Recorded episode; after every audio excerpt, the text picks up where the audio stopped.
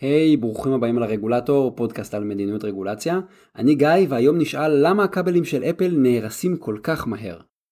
יש תלונה נפוצה אצל משתמשי אפל שהכבלים של החברה לטעינת מכשירים נהרסים מאוד מהר, בערך תוך חצי שנה.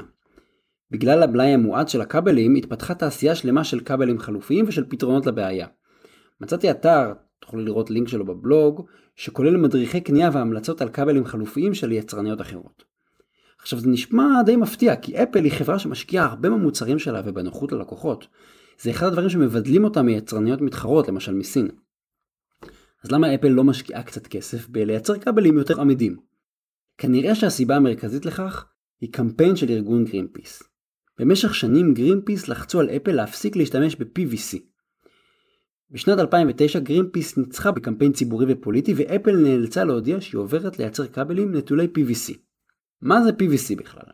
אז PVC הוא סוג של אה, ויניל, זה הפלסטיק שממנו גם ייצרו תקליטים. זה בעצם פולימר פלסטי השלישי הכי נפוץ בעולם. כבלים מבלי PVC עוברים בלאי מואץ.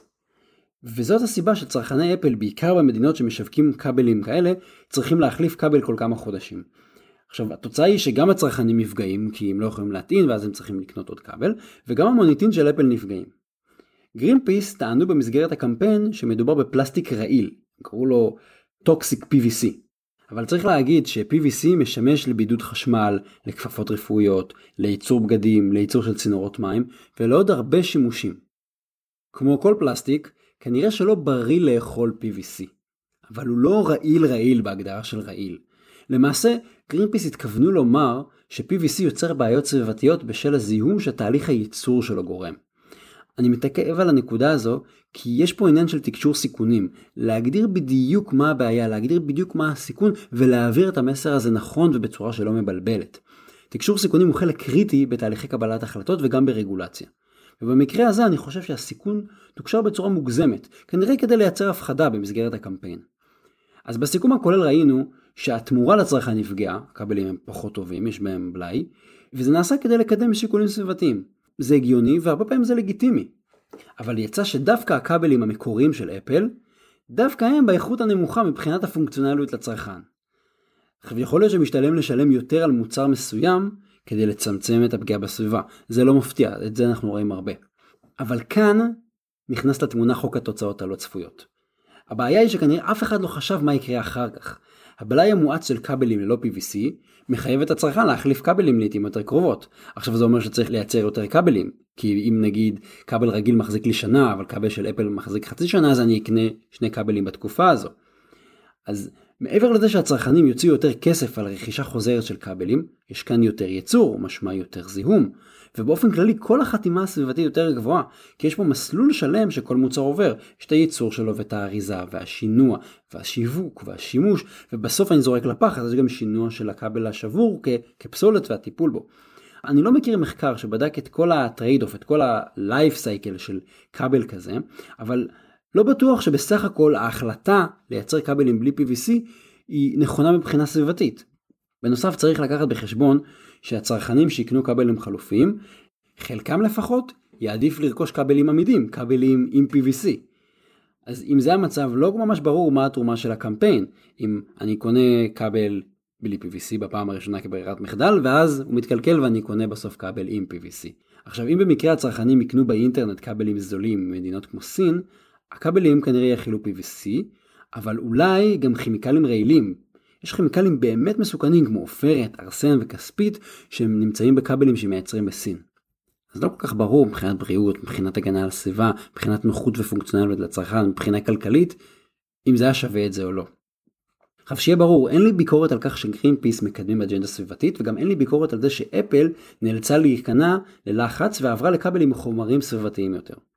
אך שתי ההחלטות האלה הן דוגמה לחשיבה חלקית. כל המהלך היה מבוסס על אינטואיציות והוא נעשה בלי מספיק נתונים ובלי מספיק הבנה של ההשלכות של ההחלטות.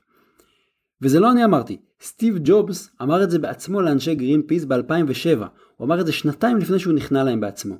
הוא אמר, I think your organization particularly depends too much on principle and not enough on fact.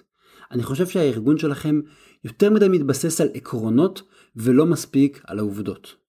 כמו שהיינו מצפים, גרינפיס בעיקר התמקדה בשיקולים הסביבתיים, ואפל מצידה התמקדה בעיקר בלחץ הכלכלי ובאיום הפוליטי שהופעל כלפיה. שתיהן לא חשבו אם יש חלופה יותר טובה מבחינה פונקציונלית עבור הצרכנים, למשל כבל סביבתי, אבל עם בלאי סביר. אגב, גרינפיס כן התייחסה למחיר, שזה יפה, אבל בלאי סביר הוא לא רק השיקול הצרכני, כי בלאי סביר גם מגביר את הצריכה של כבלים חלופיים, שבסוף צריך גם לייצר וגם לצרוך. זאת דוגמה לכשל שנקרא System Neglect. זאת הסתכלות חלקית, ולכן המסקנה היא מסקנה שגויה. חשבנו שאם נפסיק להשתמש בכבלים בלי PVC, נצמצם את זיהום ה-PVC. אבל כשאנחנו עוסקים בבעיות מורכבות עם השפעה מערכתית, שינוי של רכיב אחד עלול להשפיע על עוד גורמים. יש פה too much moving parts. מדיניות רגולציה חכמה מחפשת להימנע מטעויות כאלה בקבלת החלטות, בעזרת הסתכלות ביקורתית, וגם בחינה של כל השיקולים, כולל השפעות בלתי צפויות או בלתי רצויות.